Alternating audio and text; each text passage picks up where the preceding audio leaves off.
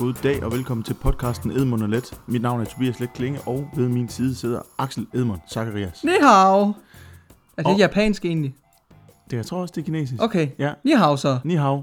Velkommen til Kina. Det er dagens afsnit. Velkommen til Kina. Det er lidt et anderledes afsnit, end vi plejer at lave, fordi at øh, de næste mange afsnit kommer til at foregå i Kina. Så vi øh, synes, at vi skal prøve at introducere jer ordentligt til, hvad det er for et vildt land, vi, øh, vi er kommet til.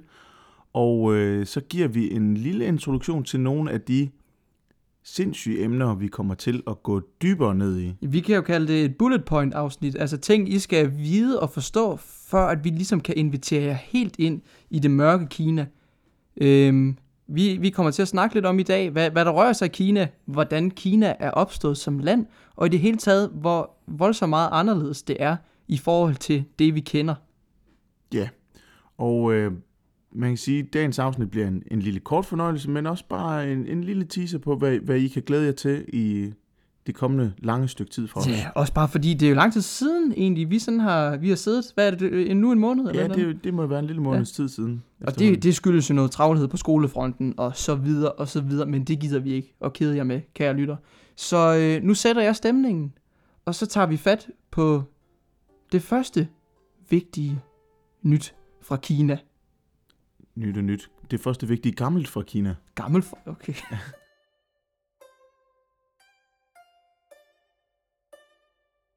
Og Tobias, jeg synes, du lægger ud. Nu kaster jeg en ordentlig omgang bold hen på din boldbane, og så, så synes jeg bare, du egentlig fortæller lidt om, hvad det er, du har på hjertet, min ven. Jamen, øh, Så tager jeg en tår kaffe imens. gør det. Kina er en af de ældste lande i verden, og øh, man har sådan set fundet ud af, at der har boet mennesker i Kina i mere end 2 millioner og 250.000 år. Så det er ret vildt. Noget af det, som Kina virkelig er kendt for, det er det gamle kejserige. Og der er mange rigtig, rigtig spændende ting i kejseriet Kina. Men jeg kommer altså ikke til at gå super meget dybt ned i det i dag, fordi øh, i vores næste afsnit, som er Beijing, der kommer vi til at snakke lidt mere om det. Og i vores afsnit fra Xi'an, hvor vi har, har set Terracotta-krigerne og kommer til at snakke lidt om dem, der kommer vi til at snakke endnu mere om kejseriet Kina. Så I skal nok få noget at høre, især i forhold til den kinesiske mur, som vi snakker om i næste afsnit, øh, som er jo er en vigtig del af kejseriet Kina. Fuldstændig essentiel del, ja. Så Kina har i mange år været et vigtigt kejserige og har styret det meste af Asien. Øh, det kan man også sige, de gør i dag. Men, ja, det må man sige. men vi springer sådan set øh, Jamen, skal vi ikke, skal vi vi ikke lave... frem i tiden. Ja, jeg synes jo, at vi skal tage fat i 1500-tallets nosser. Fordi det er her, Kina de virkelig har svunget i det. Det er den kinesiske og den muslimske befolkning, især i Asien, der har rigtig stor svung i det.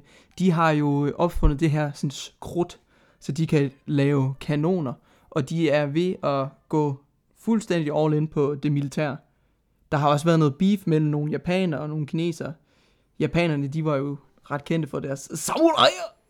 Og man kan sige, det her med konflikt mellem Kina og Japan, de er ikke fjender. Så det, Det, altså sådan er det, Det og det er, de, det er de stadigvæk, ja. Men jeg er allerede tilbage i 1500-tallet, der er Kina altså opfinderne. Det, altså det er der alt foregår. De har jo den her velkendte silkerute, hvor de får fragtet krydderier og, og silke, det er derfor den hedder silkeruten, men de får det fragtet til Europa, og på den måde tjener de en hel masse, masse dejlige penge. Og får selvfølgelig noget indflydelse i hele verden. Kæmpe indflydelse, altså alle vil handle med Kina, og det, det kender vi jo også fra i dag, altså alle vil handle i Kina, fordi det er billigt at købe ting fra Kina. Man kan så lidt diskutere, hvorvidt kvaliteten er, er so and so, men altså, de er altså også ved at komme totalt godt efter det, og det har de faktisk været de seneste 20 år. Og ja, også det her med at være opfinder og være first movers. Nu er det opfandt de krudtet i 1500-tallet, men de er altså også på den teknologiske front i dag, og militaristiske front i dag, Mm. virkelig langt frem i skoene. Altså, de har jo dominansen der i 1500-tallet, og så frem til 1900-tallet, der, der skifter det. Fordi der har vi europæisk dominans og vestlig dominans. Det har vi blandt andet også, fordi vi er pisse gode til at industrialisere os. Og vi, øh, vi ved, hvordan man laver fabrikker og producerer ting på stor skala. Samlebåndsfabrikkerne pipler frem i 1800-tallet, og altså kul, elektricitet, øh, steam, punk, ikke steam, punk, men altså de her kæmpe store fabrikker pipler frem, og der halter Kina bagud, fordi der er intern ballade og bøvl i Kina. Så har vi USA, der dominerer fra 1900 til altså 2020, som vi har i år. Og det, Eller, det gør de stadig. det var meget kringlet forklaret, ja. det der. Men det ser ud til at vende nu. Og det er også blandt andet derfor, at vi, vi tager den i dag. Fordi Kina 101, hvor er Kina? Hvor står Kina? Og hvor kommer Kina til at stå i fremtiden? Yes. Og Kina kommer til at stå allerforrest i køen. Vi, øh, vi går lige lidt tilbage i tiden igen. Vi går tilbage til 1912. Fordi her findes det, der hedder Republikken Kina. Kejseriet er faldet, og Kina bliver en republik. Den her republik, den holder ind til 1949. Fordi der opstår det Kina, vi kender i dag. Og det er det, der hedder Folkerepublikken Kina. Og øh, den opstår altså efter den kinesiske revolution ledet af kommunisterne med Mao Zedong i spidsen. Og det er jo deres alt overtrufne favoritleder i Kina. Han har, øh, det kommer vi også tilbage til øh, i vores Beijing-afsnit, men øh, der hænger et kæmpe billede af ham øh, på indgangen til den forbudte by. Der er, øh, han har et kæmpe mausoleum lige foran den forbudte by, med sådan en enorm rundkørsel rundt om. Øh, og man skal være kineser for at komme derind. Det er et vildt sted. Han har gudstatus, Mao Zedong. Men øh, han, han vinder altså øh, sammen med kommunisterne her, de vinder det territoriale område, der hedder Fastlandskina, og øh, Republikken Kina tager i eksil på Taiwan. Og det er nemlig noget, jeg vender tilbage til senere i dagens afsnit, men, men husk lige på, at der er to ting. Der er Folkerepublikken Kina, og der er Republikken Kina, som er i eksil i Taiwan. De første par år med Mao og kommunismen i spidsen, det var ikke lige frem fod og gammel, eller super fedt at bo i Kina på det tidspunkt, fordi landet var plaget af hungersnød, og øh, folk var fattige, og ja, Må jeg lige komme med en indskudsætning her, fordi det er lidt som om, at de spæde kommunistår for et, et land, der er kommunistisk, de er præget af palaver og hungersnød, og det er sgu svært. det, jamen, ja, Og det er jo ikke, øh, altså, det er jo ikke fordi, at det nødvendigvis er et dårligt tegn. Alt har en svær opstart, altså. Men, ja, Men ja, det går, øh, det går skidt i Kina, for at sige det pænt, frem til øh, 1970'erne. I øh, 1972, der får man besøg af den daværende amerikanske præsident Nixon. Mm. Han er den første, øh, hvad det hedder, det første statsoverhoved. til ja, og vel også på øh, altså, top 2 over de mest upopulære præsidenter, der nogensinde har siddet i det hvide hus. Ja, nok lige jeg tror, jeg kan Trump. godt komme i tanke om en, der er mere upopulær måske. Ja. Ja. Men det kommer jo an på, hvad man spørger. Efter 1972-besøget af Nixon, der bliver øh, Folkerepublikken Kina for første gang anerkendt som det rigtige Kina. Indtil da, der er det Republikken Kina. Fra nu af kalder jeg dem bare Taiwan, fordi ellers så forvirrer jeg. Yes, det tror jeg er en meget god idé. Så Republikken Kina Taiwan, de er det, der har været anerkendt som det rigtige Kina indtil da. Det vil sige, det er dem, der har haft sædet i FN, men det skifter altså i 1972, øh, fordi Fastlandskina, Folkerepublikken Kina, Kommunistkina, Maos Kina, Altså bare Kina. det er dem, som er Kina. To Ja. streger under Kina. Kina. Kina. er Kina. Kina er Og Kina. Taiwan er Taiwan. Ja. ja Nej, det, nej ja, det kommer jeg til yes. senere. Det. I, øh, jamen, det, det går stille og roligt fremad for Kina herefter. mm. Øh, I 1908... Ej, det, det går ikke stille og roligt. Det går hissigt stærkt. Åh, ikke nu. Okay, Det går lige lidt stille og roligt nu. okay. Jamen, der har jeg måske nogle mod- modargumenter så på et tidspunkt. Men Det går stille og roligt fremad. I, og I, så, I will shut up, og nu vil jeg bare lytte til så dig. rammer vi nemlig 78. Jeg er stille nu. Og i 78 går det stærkt. Okay, fair nok.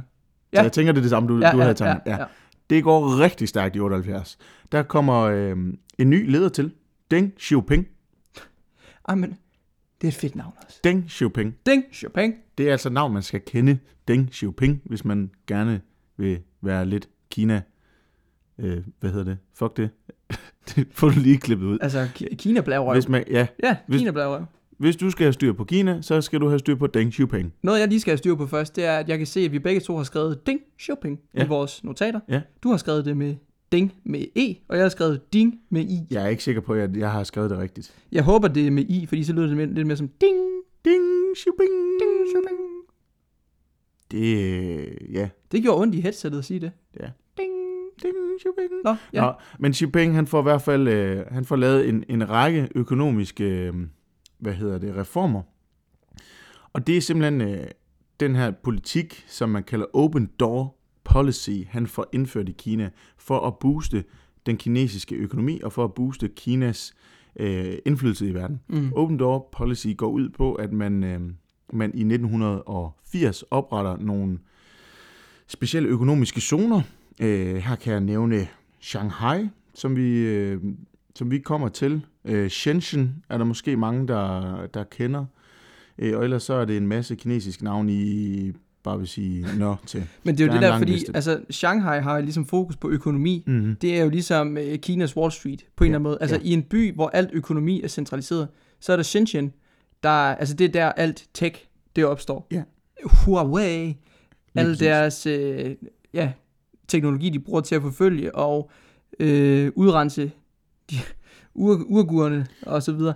Det, det eskalerer hurtigt, så det vender vi tilbage til på et andet tidspunkt. Ja, men i hvert fald, øh, de her områder, de kommer ud over den kom- kommunistiske planøkonomi. Det, man skal forstå ved kommunismen, er, at staten styrer alt. Så det vil sige, du har, du har ikke mulighed for at blive rig som enkeltperson, medmindre at staten tillader det, og det gør de jo ikke, fordi det er jo ikke kommunisme lige pludselig så. Ja, og en af de rigtig fede måder, hvorpå du kan blive rig, det er, hvis du lige præcis har indflydelse. Hvis du er minister, eller hvis du er med i deres form for, ja, regering, eller hvad man skal kalde det. Men for at du overhovedet kan være det, for at du overhovedet kan være succesfuld forretningsdrivende i Kina, så skal du også lige være med af det kommunistiske parti. Yes. Altså, det er en uskreven regel, men sådan er det fucking bare. Ja. Og, ja. Men den her open door policy, det er altså her, at man for eksempel siger til amerikanske virksomheder, skulle I ikke lige have en fabrik i Kina, fordi det er billigt? De kommer lige og... Kom lige over og lav en bitte fabrik. Der er virkelig mange, der har draget udnyttelse af det der.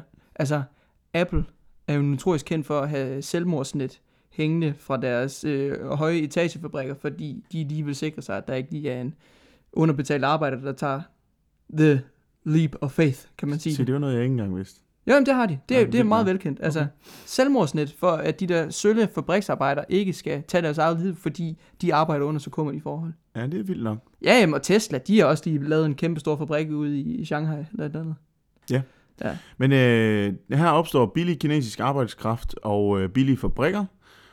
Og øh, noget af det, som Deng Xiaoping, eller Ding Xiaoping, lad os bare kalde ham Xiaoping, han vil øh, opnå, det er, at han vil styrke den kinesiske agrikultur, altså deres landbrug. Han vil reformere det, så det bliver mere, de bliver bedre selvforsynende, og øh, at det, det bare bliver bedre. Mm. Øh, så vil han styrke industrien, og det er ved de her store fabrikker. Han får en hel masse arbejde. Mm. Han vil styre, styrke viden og teknologi, igen med at samarbejde tættere med andre lande i verden, altså åbne sig mere op, hvor Kina før han har været utroligt lukket. Øh, nærmest nordkoreansk lukket. Men, men det, det, er jo det, fordi... Altså, og så selvfølgelig militæret. ja, Det ja, nationale militær. militæret. også gerne styrke. Ej, altså Kina, de er stolte af deres militær. Altså, patrioter på niveau med det amerikanske, ikke? Men jeg, jeg synes, det er underligt, ikke også? Altså, hvorfor er det ikke, at Deng Xiaoping, han har løbet med alt heder, men at det så stadigvæk er Mao Zedong, man fokuserer så meget på? Altså, det, det, det handler simpelthen om noget promovering af de to kandidater der. Altså, Ja. Mao Zedong, han var jo, altså, han var jo kransekagefiguren på den kinesiske han, er, kommunisme. han er jo deres forfar, forfader, altså ligesom Ja. Lenin var i Sovjetunionen. Det er Præcis. jo Mao Zedong, der, der vinder øh, revolutionen og, Ja. og vinder landet over. Men du skal Taiwan. simpelthen ikke altså, glemme, hvor stor en skiderik Mao Zedong var. Nej. Han har satan rende med mange liv på samvittigheden også. Altså det er jo igen ligesom i Rusland. Der var jo noget, der hed en gulaglejr. Ikke? Og Stalin han smed jo alle sine øh, øh, opponenter og alle hans fjender, fordi han jo var en paranoid skid i de her gulaglejre, så de kunne arbejde sig selv ihjel. Mm. Og det samme gjorde Mao Zedong jo. Og så har han, øh, der er jo ikke noget officielt tal på det, men mere end 35 millioner, der er døde af hungersnød i starten Yes. på samvittigheden. Og det er jo også derfor, at Deng Xiaoping han ville altså reformere hele landbruget, så de var selvforsynende. Ja. Men det var nogle svære opstartsår. Igen, sådan er det med kommunismen, men de er godt nok kommet efter det. Deng Xiaoping, Og det gik hurtigt. ja, Deng Xiaoping, han er nok den vigtigste leder i Kina.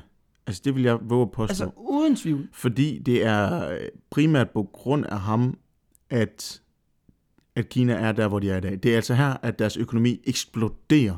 Og når jeg siger eksploderer, så mener jeg virkelig eksploderer. Jamen, det var ham, der satte dem på kurs, ikke? Og dem, der er kommet efterfølgende, og altså den alt overskyggende skikkelse, øh, Xi Jinping, han har jo egentlig bare arbejdet videre på det, der blev startet der tilbage i 78. Ja. Altså, de har, han satte så stram en kurs, at der ikke var noget som helst, der kunne slå dem af kurs. Og Deng Xiaoping, han fik jo også bare oparbejdet den her altså forståelse for folket om, at man kommer sgu længst med flid. Der er ikke noget, der hedder forlænget weekend. Der er heller ikke nødvendigvis noget, der hedder barsel. Der er heller ikke noget, der hedder syge overlov. Der er ikke noget, der hedder afspacering. Altså, hvis du er fra Kina, så ved du, hvor vigtigt det er at arbejde, og du ved, hvor vigtigt det er at få en hård, eller ikke en hård uddannelse, men en rigtig god uddannelse. Fordi det, det er sådan, du kommer langt. Altså, der er jo mange om fadet i Kina. Tilfadet hedder det. Så altså, man, hvis man skal kunne skille sig ud på en eller anden mærkbar måde, så skal du bare op og have de her vilde uddannelser. Og det er det, man stiler efter som kinesisk borger. Det er, det er min analyse af det. Og det men jeg, jeg tror, jeg rammer det meget godt. For lige at sætte i perspektiv, hvor stærkt det går fra øh, 78 og frem, så kan vi bruge Shenzhen som øh, eksempel. I øh, 1980, der havde Shenzhen en befolkning på 59.000. I 2016, der havde Shenzhen en befolkning på 12 millioner, og deres BNP var steget med 24.569 procent.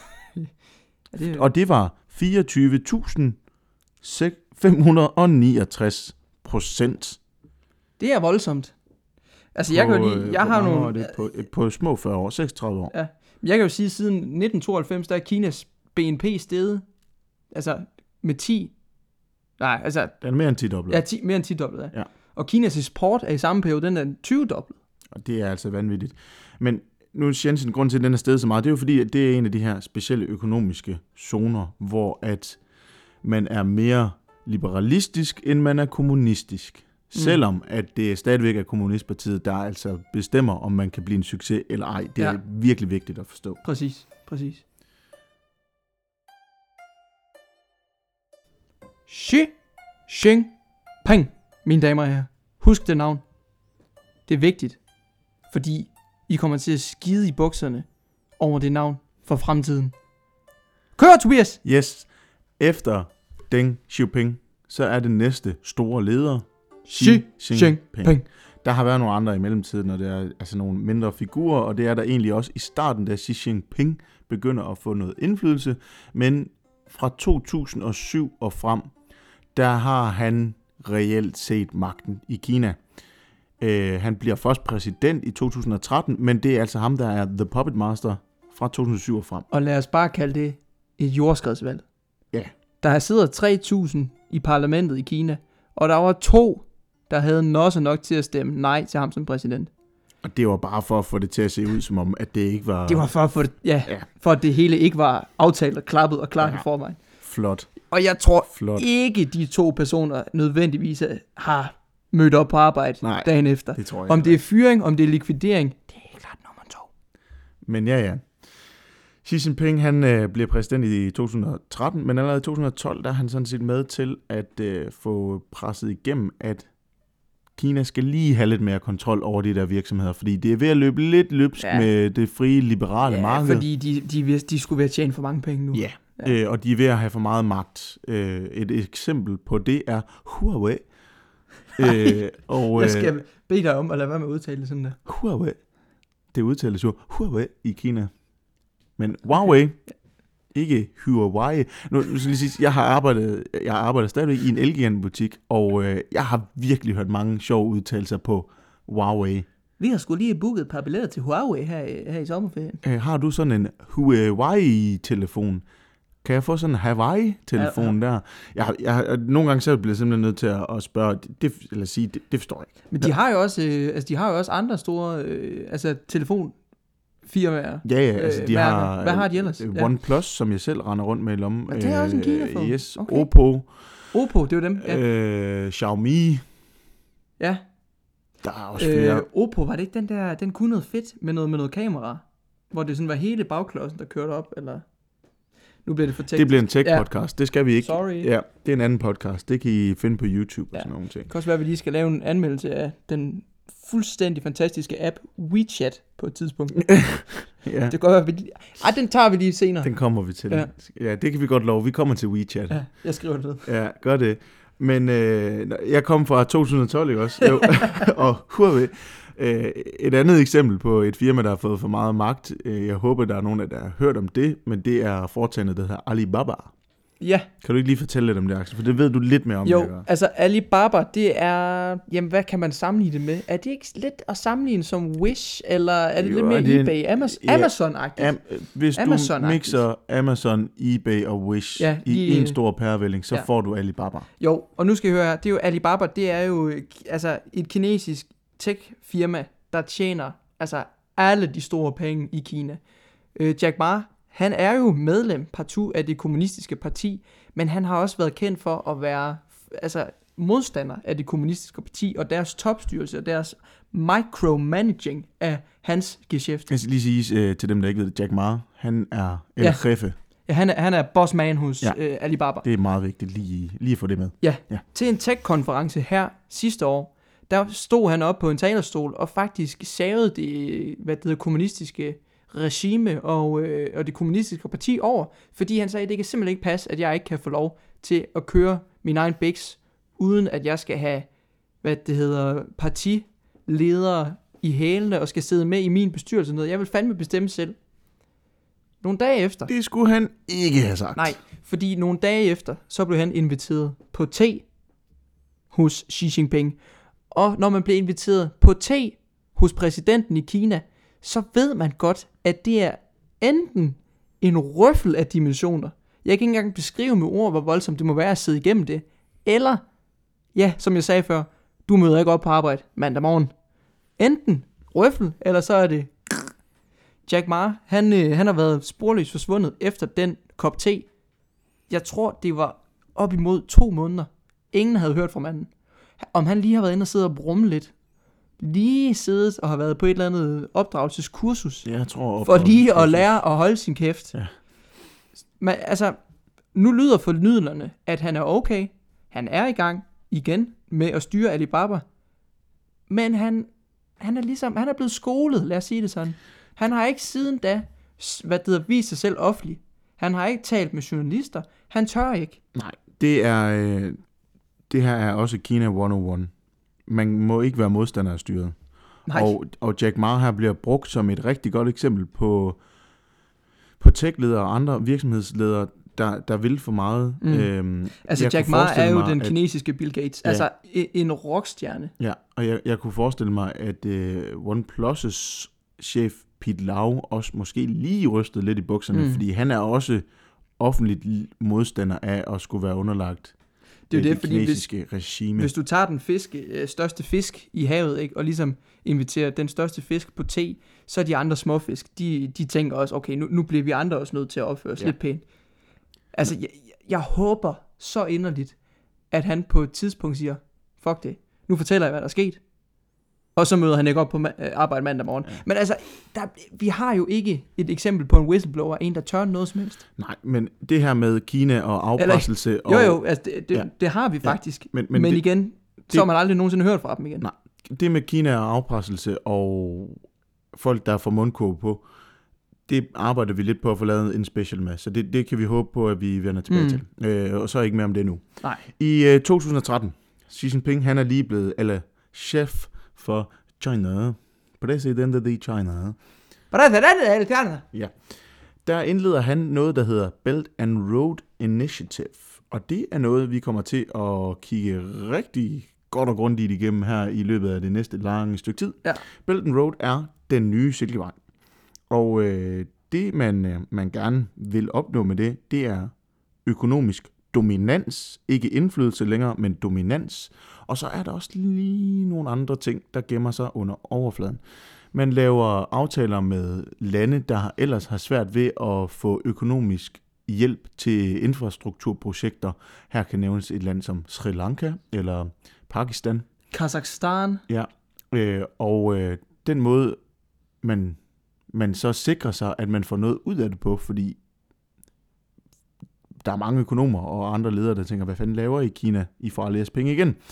Men der har man øh, for eksempel i både Sri Lanka og Pakistan simpelthen bare sagt, Nå, I kan ikke betale, jamen så er den her havn vores, nu ejer vi den, det er vores territorium. Og på den måde, så er Kina faktisk stille og roligt i gang med at udbytte, udbygge øh, territorial dominans i det indiske ocean. Og det er, altså, det er jo en genial måde at gøre det på. På en eller anden måde. Fordi at, hej, vi vil godt hjælpe jer. Men det kommer til at koste nogle penge. Nå, det kan I ikke betale. Nå, så må vi jo bare tage det. Ja. Og styre det, hvis Ja. I ikke kan. Altså, det er jo igen... Øh, hvad er det nu, han hedder? Joseph Nye. Uh, nu smider jeg lige lidt... Øh, hvad det hedder, lige lidt ro og buk nus Ja, til at søge. det skal vi ikke ud i. Nej, det skal vi simpelthen ikke ud i. Jo, jeg siger bare, at Kina er eksperter på det, der hedder blødmagt. Ja. Altså det der med, at man, man opnår dominans ved at lade sin tanks blive derhjemme, men så bare lige kæle lidt for noget ethos. Et sted, hvor man så ikke har brugt det, det her såkaldte bløde magt, men har rullet sine tanks ud, det er i det sydkinesiske hav. Og det er hård magt. Det er det, der hedder hård magt, fordi det er militær konflikt. Så Mm. får I også lige lidt dejligt samfundsfag oh, indover her. hov, hov, hov, hov, hov. Øh, Øh. Skulle vi ikke lige, bare lige for god ordens skyld, lige lægge en jingle ind? Og så råbe i kor. jo, øh, men det er jo ikke nyt. Så bare råbe militær, måske. Ja, det kan vi godt. Ja, okay. Militær! Okay. Ikke nyt, men gammelt. ja. Okay. Oh, det, Øh, det var i, min sutsko. I 2013, samme år som øh, Xi Jinping han øh, får rullet øh, Belt and Road Initiative ud, der øh, bygger man tre militære øer. Ja, man bygger øer i det sydkinesiske hav. Det gør man af en meget simpel grund. Nemlig den, at siden 1950'erne, der har der været konflikt om en masse småøer i det sydkinesiske hav. Fordi der er flere forskellige lande, der gerne vil have dominansen der. Og fra 2013 og frem, der siger Kina, den tager vi. Bare rolig gutter, den tager vi. Vi skal, vi Så, skal klare øh, arbejdet. Her er man virkelig, virkelig aggressiv. Altså, virkelig aggressiv. Øhm, jeg, jeg, jeg tænker ikke, jeg vil gå super meget mere ned i det nu, fordi det kan jeg snakke om i lang tid. Det kan være noget, vi vender tilbage til. Men det, man skal forstå ved det sydkinesiske hav, det er, at Der er så mange interessekonflikter nede i det område der. ja, og, og det er altså, Indonesien, det er krig uden at være krig. Indonesien, Taiwan, Kina, Macau. Ja. Filip, nej, Fi, Jo, jeg tror, også, jeg tror også, de er med i det faktisk. Ja. Øhm, de har ikke så meget at skulle have sagt, men jo, de er med i det. Ja, men prøv, prøv lige at sige det der, du sagde med de øer igen, ikke? Ja. Prøv lige hurtigt at riste det op, fordi jeg har, jeg har noget fed bonusinfo.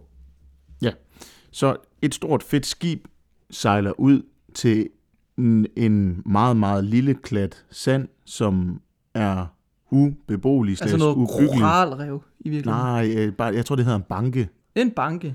Øhm, Men nej, nej, de hedder de der, øh, man ikke må gå ud til. Det er første og anden revl, er det ikke det, det hedder? det, det er ikke en revle. Nå. Ja. Nå, det er også ligegyldigt, vi er ikke haveksperter Nej, her. men kun gå ud til navlen, venner.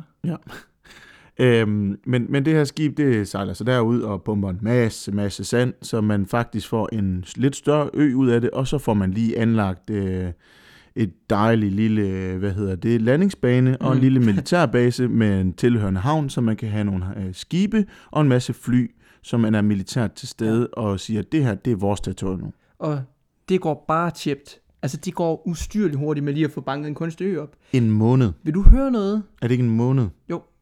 Det kan sagtens På være. en måned bygger de en ø med en ja, med en fucking funktionel landingsbane. landingsbane og militærbase. Ja. Vil du høre Og noget hvor sjovt? lang tid tager det at lave togskinner i fucking Danmark? Ja.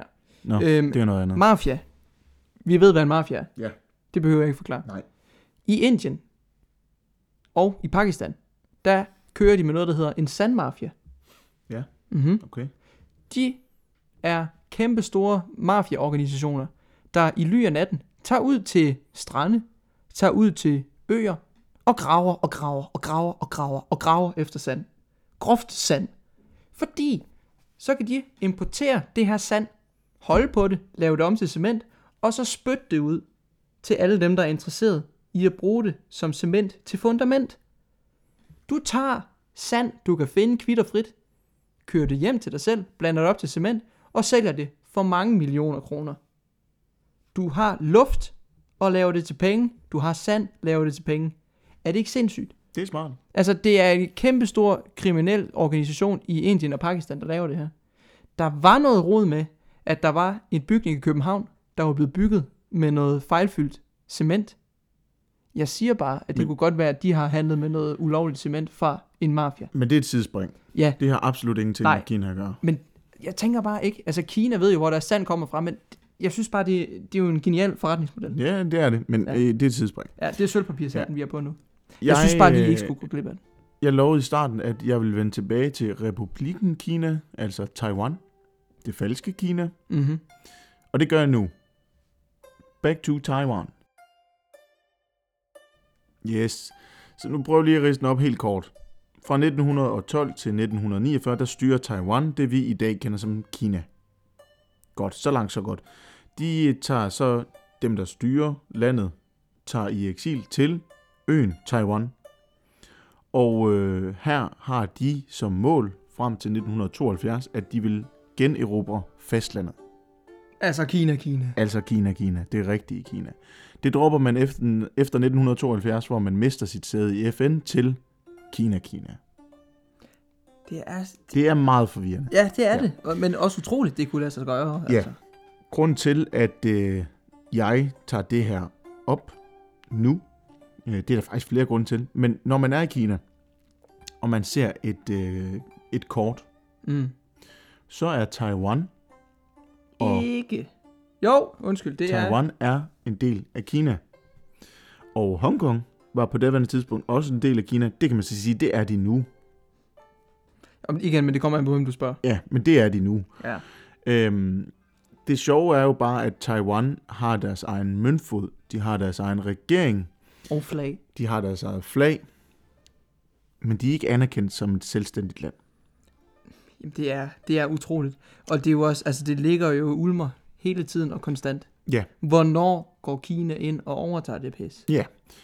Øh, siden 1950 har Danmark ikke anerkendt Taiwan som et land. Jeg kan godt forstå det i starten, hvis man har set dem som de onde. Ja. Men øh, hvorfor vi ikke gør det nu, har jeg ingen idé om. Men det er også fordi, det er en lille putstat, der bare altså, er truet af den her kæmpe store magt. Og altså. jeg tager lige det der med, at jeg ingen idé om har det i mig igen, fordi Kina har siden 2005 sagt, hvis Taiwan erklærer sig selvstændig, så er det en krigserklæring. mm, Så det vil sige, at øh, er man i med Taiwan, så er man de facto mod Kina. og så er man jo, Og Kina kan jo gøre lidt, hvad det passer. ja, så ryger man jo på den der sortliste, og måske man lige bliver, får en mail over e-boks, du lige er blevet inviteret på te hos Xi Jinping. Ja. Jeg ved ikke, om de kører med e-boks. Det gør de sikkert ikke. Øh, grunden til, at, at det her er relevant nu, det er fordi, at øh, jeg opdagede lidt ved et tilfælde på DR's nyhedsapp tilbage i januar, nærmere bestemt den 29. januar, at der lige var sådan en lille, lille, lille pop-up. Den forsvandt lidt i mængden, fordi det er jo ligegyldigt. Men at øh, Kina igen advarer Taiwan om, at uafhængighed betyder krig. Men, men kan du så Punktum. komme nærmere på, hvorfor at de lige skulle have en påmeldelse igen? Ja, det er fordi Taiwan tager skridt hen imod selvstændigheden, og fordi Taiwan øh, er blevet et, altså et meget vellykket land, altså de har en stærk økonomi, og de er, har efterhånden opbygget tætte relationer med USA, mm. Mm, og øh, det at USA er begyndt at have tætte relationer med dem, kan give en nøgle til, at de øh, i FN-sammenhæng bliver anerkendt som et land. Ja, fordi altså, de har et sæde i FN. Nej, Nej, Taiwan det har de ikke. har Hvor, ikke og hvornår var det, de ikke fik? Altså, de, det var det 72, hvor de 72 fik. skifter den. Ja, okay. Ja. Til Kina, Kina. Ja. Godt så. Du nævner det skridt der. Hvad var det skridt? Altså, de, de gør tilnærmelser på noget selvstyre. Jamen, det er jo øh, simpelthen et spørgsmål om, at det er en udvikling over tid. Mm. At man har et stærk økonomi. Ja. Man har sin eget styre. Man har sin egen møntfod. Nu vil man også gerne have noget at sige internationalt. Og jeg kunne forestille mig, øh, for jeg har ikke kunne finde noget som helst på hvorfor, Nej. men jeg kunne forestille mig, at det har noget med corona at gøre. Fordi Taiwan har jo været utrolig dygtige, Mm. og nogle af de allerførste til at slå øh, pandemien ned, Ja. og nogle af de allerførste til at blive fri for det. Mm. Men det snakker man ikke om, fordi at så bliver Kina sure. Øhm, der var et interview med ham, formanden for WHO, hvor han blev spurgt ind til Taiwan. Så sagde han, undskyld, jeg hørte ikke dit spørgsmål. Så sagde journalisten, men jeg kan lige stille det til dig igen. Og så sagde ham formand, det behøver du ikke. Næste spørgsmål. Ja. Så det er simpelthen et spørgsmål om, at Kina holder dem nede, og Ja. man som, altså i Taiwan, forestil dig, at du, at du er mega succesfuld. Mm. Du har en stærk økonomi. Du har, øh, hvad hedder den, New Taipei City er deres hovedstad. Øh, vanvittig økonomisk centrum, øh, skyskraber, Ja. fedt sted, kunne jeg forestille mig, jeg har aldrig været der, gad godt. Men, øh, men du har intet at sige internationalt, fordi at storebror holder dig nede. Mm. Men jeg tror heller ikke, at... Øh, jeg ved ikke, om det er sandt, det her, men altså, hvis nu, at vi havde fået det her kinesiske visa, som jo er en kæmpe bøvlet proces, vi kommer til at snakke mere om på et tidspunkt. Hvis nu, at vi fik visaet, hvor der stod, at vi skulle rundt i Kina, og så ville I hoppe til Taiwan, ville det da være en mulighed at få sit visa så? Jeg, jeg, tror, Jeg kunne, jeg kunne have mine bekymringer. Jeg, jeg tror, det vil blive sværere, Ja, ikke? uden at vide det. Ja. Fordi det, altså, at, at det her med, at man lige bliver nødt til at give dem en påmeldelse, når man officielt siden 2005 har haft en politik, der hedder selvstændighed betyder krig. Mm. At man giver dem en påmeldelse, det lugter altså lidt. Ja. Det, det er sgu lidt skræmmende. Men jeg, jeg, jeg, der er også det der med, ikke? Altså, der foregår jo også en masse pis i Hongkong. Ja. Og jeg, jeg, jeg, hvad er det nu, de kalder det? De kalder det et eller andet med, altså, hvis nu Hongkong, demonstrationerne i Hongkong, går ud og demonstrerer mod den der nye lov, der hedder, at hvis der bliver begået demonstrationer eller kriminalitet i Hongkong, kan de blive udleveret til Kina, så skal de rent faktisk udleveres til Kina. Ja, man kører lige retten i Det er jo det, man Kina. demonstrerer imod, ikke? Der sker også nogle demonstrationer over i Thailand. Det må jeg indrømme, dem har jeg ikke sat mig så meget styr over. Det er noget med, de har en konge, der er, øh, og har en... Det er vist, er det, er det hans hund, der er præsident i Thailand? Det er vist sådan et eller andet. Nå, men Hongkong og Thailand har lavet en aftale, fordi man må ikke demonstrere imod Kina i Hongkong. Derfor har de lavet en aftale med Thailand om, at de demonstrerer mod Kina i Thailand, og at man så i Hongkong demonstrerer mod kongen. Nej, Mm. undskyld, at man i... Jo, Hongkong demonstrerer mod mod kongen i Thailand. Nå, det er sgu meget De har smart. lige lavet en bytte, bytte pladsvekslen. Ja. ja. bytte pladsvekslen. Bytte Dejligt. pladsvekslen. Ja, men det her med øh, Taiwan, det er spændende at følge med i, fordi hvad kommer der til at ske, hvis at Kina angriber Taiwan? Jeg, jeg har simpelthen svært ved at forestille mig, at det har nogen som helst konsekvens. Sådan helt ærligt. Det, det kan jeg godt være bange for, fordi nu har Axel siddet lige og finder billeder af Taiwans konge. Han ser fandme syg ud. Nej, Thailand. Thailand, Ikke undskyld, sgu Taiwans. Taiwan. Thailands konge. Ja. Google lige ham. Ej, han er nice i den der Han tank har top. sleeve og tanktop taget bukserne og halvt af. cowboybukser på. Ja. Nå, det var et helt vanvittigt tidspunkt, det der. Men nej, jeg kan bare være bange for, at, at Kina er, har fået så meget magt, og er blevet så stor, at de kan gøre, hvad det passer dem. Mm. Øhm, Jo, jo, altså det, det, er jo, det, det er jo et faktum. Ja, altså, vi har jo lige set det med, øhm, med hvad det, fire, fire danskere, der vil blive udleveret til Kina, hvis de kommer til et land, der har udvikling. Uffe, Elle, Uffe Ellebæk, skulle jeg sige. Uffe Ellebæk og øh, Thomas Ruten og To andre. en, en øh, Karina Amitsbøl. Et eller andet. Ja. Men, øh, men, men hvad vil der ske, hvis Kina, Kina går ind i Taiwan? Ja. De, de kunne tage Hongkong nogenlunde uden problemer. Jamen, det har de jo faktisk. Det, ja, faktisk det har de gjort. Altså, Men, men hvad sker der, Ja. hvis de går ind i Taiwan? Ja, præcis.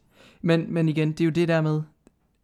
Altså, det var jo lidt, eller det vi snakker om med Navalny og Rusland. De har altså også bare frit spil derovre. Altså, de er jo konger i Jamen, deres det her, egen region. Det, men det her er bare men det her er... tusind. Ja, ja. For det, det er på Jamen, det er global skala. Fordi... Nej, men man kan sgu faktisk lidt sammenligne det med, at Rusland tager Krim uden andet end nogle små sanktioner. Fuldstændig. Fuldstændig. Fordi Kina er så store, tilpas Mm. store, at hvis de bliver sanktioneret, så kan de sige, nå, nå, jamen, så, sang, så lader vi Ja. bare være med at... Og faktum er, at Kina er jo også meget større mm. End Rusland. Ja. Og det, det kan man også argumentere for, at de er i forhold til USA. Altså, jeg har en graf, der siger, at altså, det, det kan nogle gange være svært at sådan sætte, sætte, øh, sætte eksakte tal på, hvor stor en militærmagt et land egentlig er. Du kan kigge på, hvor mange penge de bruger per budget, og du kan også kigge på, sådan, hvor mange tropper de har, hvor mange tanks og sådan noget. Men det er jo det, man, man kan godt have en rigtig stærk her, men ikke have særlig mange fodsoldater, fordi man så har droner, man har missiler, man har alt muligt. Så kigger man jo på hangarskibe. Fordi det er ligesom en, en markør. Hangarskibe, det er noget af det dyreste at producere. Og noget af det vigtigste. Og noget af det aller, aller vigtigste, ja. USA, de har 10 hangarskibe. Kina havde et hangarskib i 2014. Men nu har de altså lige spyttet 6 til 7 nye ud her. Jeg tror, det er over de sidste... Jeg tror faktisk, det er det sidste år. Det kan være, at vi skal køre den øh, som en militærnyt i Beijing-afsnittet. Ja. Der kommer... Ja. ja, det kommer snart. Ja, det, jamen, det Ja. kommer snart. Det Axel, vi har plapret lidt om Kina i Ja. 40 minutter og gået ud af 1700 ja, forskellige tangenter. Det, det, Det blev- ret i. Ikke så snorlige, som det måske skulle have været. Nej. Men øh, jeg, jeg tror, øh, vi bare siger tak, fordi I lyttede med. Nej, nej, nej, nej, nej. Nej, det gør vi Vi ikke. har jo en cliffhanger. Nå ja, Nu skal jeg lige se. Øh, vi nævnte jo WeChat. Et fuldstændig... Nej! du kan så ikke hente den. WeChat bliver en anden gang. Vi gennemgår WeChat i næste afsnit. Skal vi ikke sige det? Men tror du, jeg kan overhovedet? Det ved jeg ikke, det finder vi ud af til næste. Vi prøver at se, om vi kan få WeChat, så vi kan gennemgå Ja. det i næste afsnit. Ja. Øh, og så, så, så tror jeg bare, at vi siger tak, fordi I lyttede med. Ja, altså det her, det blev ikke så meget Kina 101. Det blev Kina 101 100 fuldstændig mange snørklede veje. Er der et eller andet, vi nævnte, som I tænker, det lød mærkeligt, det kunne jeg faktisk godt lige tænke mig at høre noget mere om, så, så send lige øh, en besked i DM'eren. Ja, på Instagram. Øh, skriv til os, og så, så besvarer vi jeres spørgsmål. Og altså, I skal endelig ikke være for lejende. Skriv til os, stil spørgsmål, del erfaringer med os også. Gør hvis I endelig ved det. noget. Gør ja. endelig det. Og øh, jamen, øh, tak for den her gang. I har lyttet til podcast Nede Monolet. Vi lyttes ved igen. Meget snart.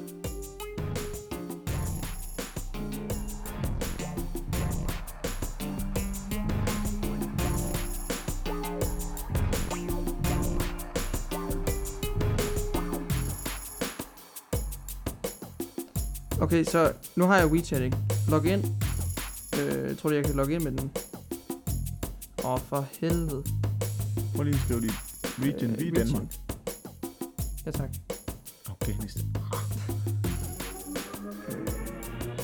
Danmark. Der. Phone number. Ej, jeg, jeg har det simpelthen lidt stramt det. det, jeg, Jeg har jo alt det der for. Ja. Altså, Okay, giv WeChat tilladelse til at få Ja. adgang til fo- du Ja. har, Axel, du har en Huawei. Du må gerne. Giv WeChat tilladelse til at få til Ja. Axel, du har en Huawei. Ja, ja. Det er slut. Okay, uh, enter WeChat password.